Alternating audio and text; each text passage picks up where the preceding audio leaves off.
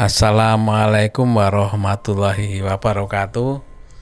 Selamat uh, merayakan Hari Idul Fitri ya. Mohon maaf lahir dan batin. Ini adalah momen sebenarnya momen berkumpul ya di hari raya Idul Fitri. Seandainya pun itu terjadi kita harus berkumpul dengan keluarga. Jangan lupa ya uh, social distancing ini tetap dijalankan ya. Anjuran pemerintah jaga jarak pakai masker tetap jangan lupa.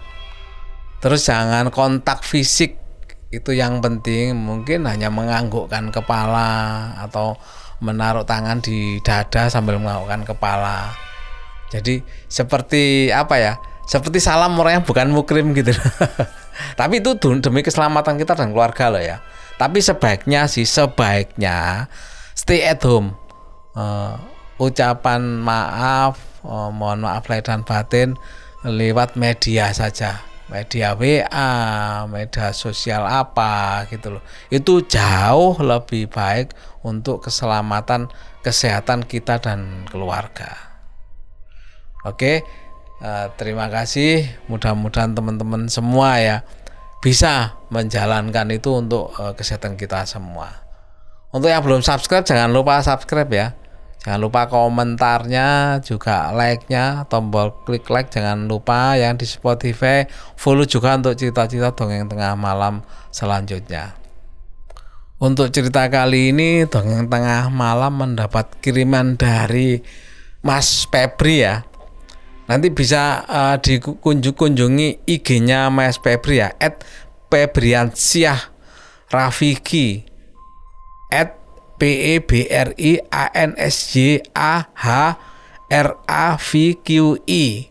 Jadi Febriansyah Rafiki bisa dikunjungi IG-nya Mas uh, Febri ya. Juga ternyata Mas Febri ini juga ada YouTube ya. Bisa dikunjungi juga teman-teman semua di Akenzier uh, channel. Akenzier channel YouTube-nya ya. Langsung saja uh, ini dia kiriman dari cerita Mas Febri tentang pengalamannya pertama kali bekerja hari pertama bahkan hari pertama bekerja di rumah sakit langsung ke ceritanya halo uh, teman-teman kenalin nama gue Febri. Ya biasa dipanggil pep pep gitu ya kan. Nah, gue mau cerita di mana ketika itu gue pernah bekerja di salah satu rumah sakit daerah Jakarta. Letaknya sih Jakarta Timur ya di situ di mana pertama kali gue kerja di rumah sakit sebagai cleaning service.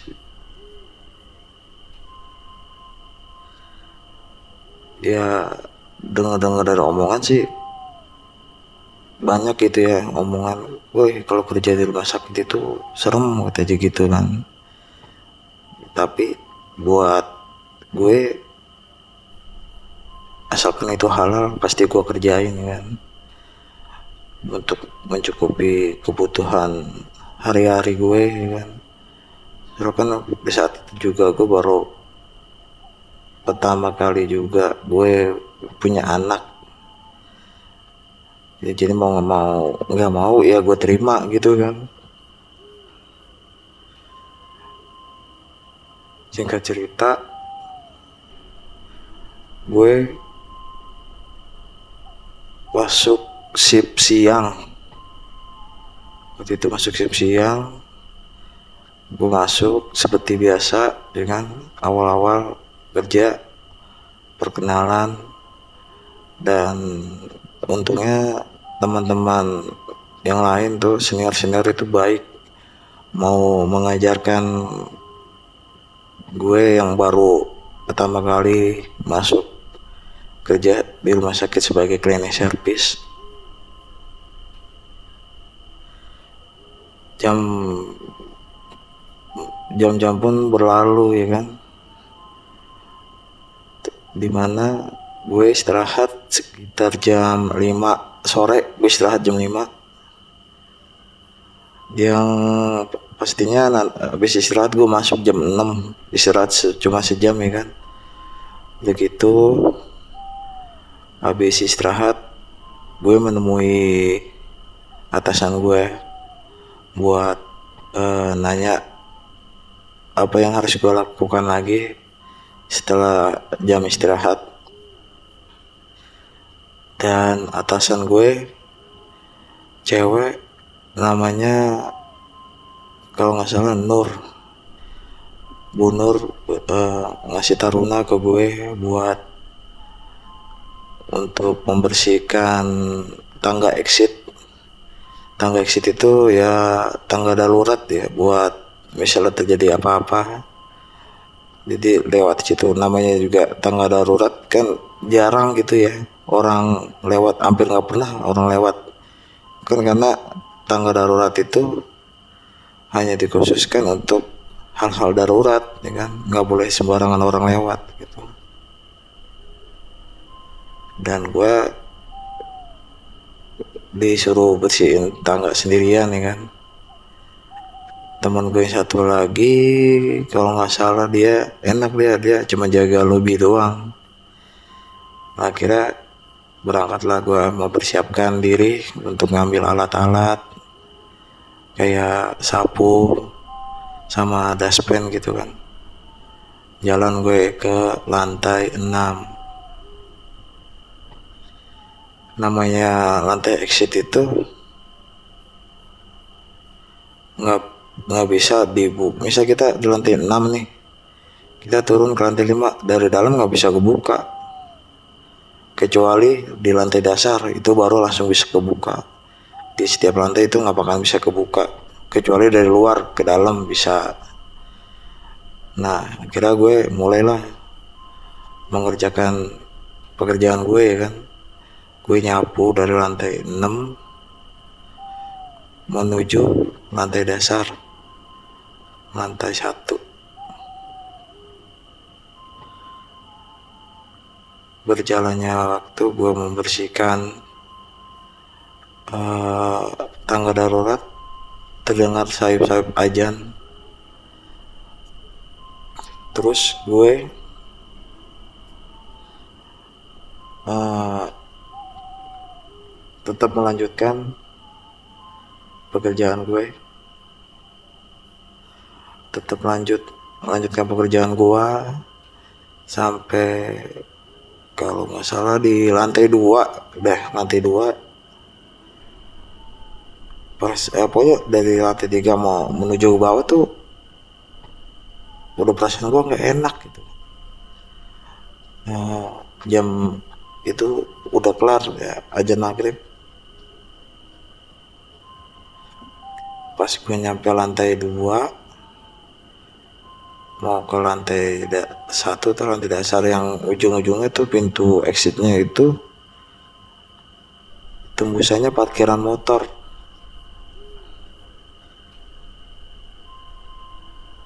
Itu entah kenapa hawa di situ tuh gak enak banget gak enak benar-benar gak enak.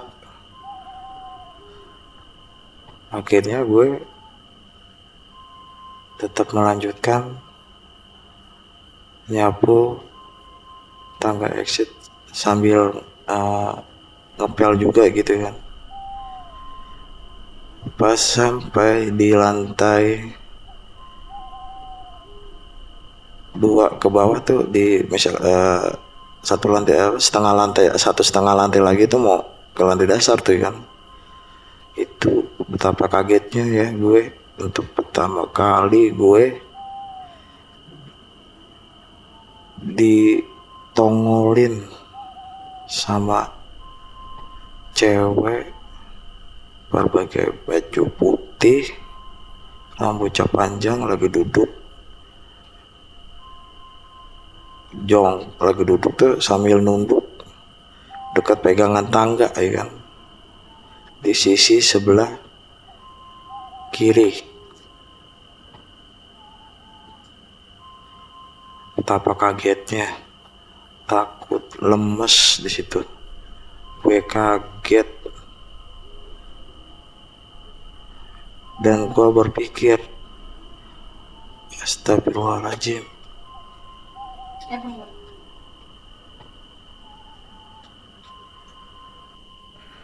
Pikiran gue kacau sekacau kacaunya di situ. Dan gue mikir ya kan gimana nih?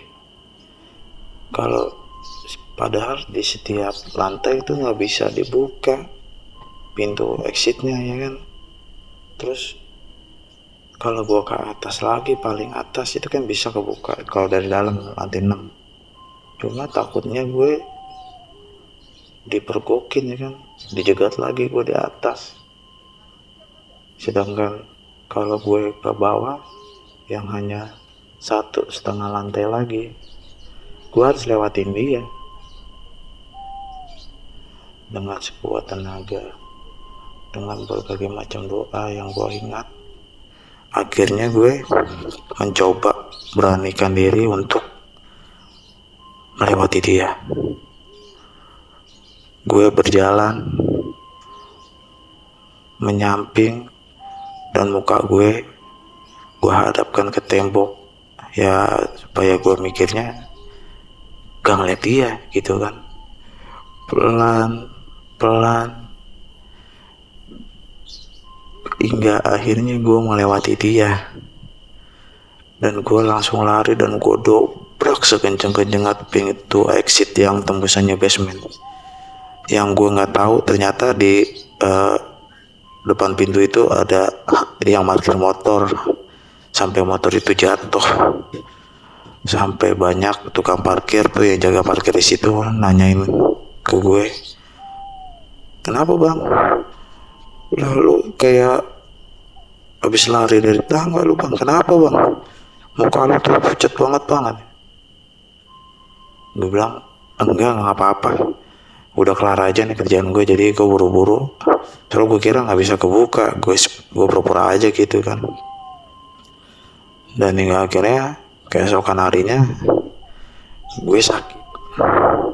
Dua hari. Padahal gue baru masuk sehari udah izin dua hari. Wah jadi gak enak gue kan sama teman-teman gue sama atasan gue. Nah yang paling menyeramkan lagi ketika waktu itu gue malam shift malam waktu itu lagi namanya sip malam di rumah sakit itu sepi. Nggak banyak orang hanya beberapa suster security dan paling keluarga pasien yang nginep jagain sudah uh, jagain pasiennya ya kan. Waktu itu gue ada panggilan ke IGD sang uh, suster menghubungi security untuk menghubungi gue. Kalau dia tuh butuh cleaning service di IGD akhirnya gue nyamperin ke IGD gue tanya kan sama suster uh, ada apa sus manggil cleaning service susternya butuh tisu sama hand soap buat cuci tangan. Akhirnya pun gue menuju gudang yang itu juga office-nya cleaning service. Jadi satu gudang sama office cleaning service gue jalan uh, untuk infonya itu office gue sebelahnya tuh tempat mandiin jenazah. Kalau di rumah sakit gue itu nggak ada yang namanya ruang jenazah. Jadi kalau ada yang meninggal tuh jenazah langsung di uh, dimandiin atau dibawa pulang oleh keluarganya. Nah, jadi singkat cerita tuh gue kira jalan lah menuju lorong tuh ngelewatin tempat laundry masih jalan. Di persimpangan gue ketemu seorang bapak-bapak. Sedangkan jalur lorong itu kan jalur belakang. Itu nggak bisa namanya sembarangan orang bisa lewat situ kecuali ada keluarga yang meninggal atau service petugas mandi jenazah dan security kira gue jalan lah di persimpangan gue ketemu bapak-bapak. Yang gue kira kan di tempat jenazah itu tempat mandi jenazah nggak ada yang meninggal ya kan? Gue nggak tahu lah itu. Akhirnya gue tegur lah bapak-bapak itu. E, mohon maaf pak. Kalau pintu keluar di sebelah sini nggak bisa pak untuk uh, orang umum. Bapak harus melewati GD soalnya kalau pintu lobby malam-malam kayak gini udah dikunci pak. Harus lewat IGD tapi bapak-bapak itu diem.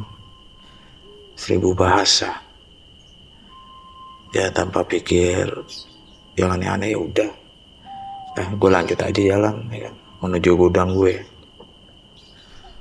Saya sampainya mau sampai di gudang gue melihat uh, mobil jenazah di depan office gue. Dan gue melanjut berjalan. Di situ gue lihat hanya ada uh, petugas mandi pemandian jenazah sama kalau nggak salah satu orang pihak warga yang sedang mengkafani jenazah betapa kagetnya gue pas gue lihat Astagfirullah. Itu bukannya orang yang tadi gue tegur ya? Yang tadi papasan sama gue. Kok dia meninggal? Kaget gue. Tapi karena tuntutan pekerjaan, gue berusaha untuk menghiraukan dan lanjut ke gudang untuk mengambil pesanan suster. Ya, untuk ceritanya segini aja dulu ya. Masih banyak uh, kisah horor di rumah sakit yang gue uh, yang gue tempat gue kerja. Dan gue sempat pindah juga kerja di rumah sakit lain daerah Jakarta Pusat. Dan di situ juga gue ada kisah horor juga. Ya semoga cerita gue ini menghibur kalian. Dan jangan sampai kita merasa takut kalau kita kerja di rumah sakit. Ya mungkin kalau nanti dia udah kenal sama kita kita nggak bakalan diganggu lagi ya kan? Ya untuk sekarang sekian dulu ya. Salam dari gue Febri. Assalamualaikum warahmatullahi wabarakatuh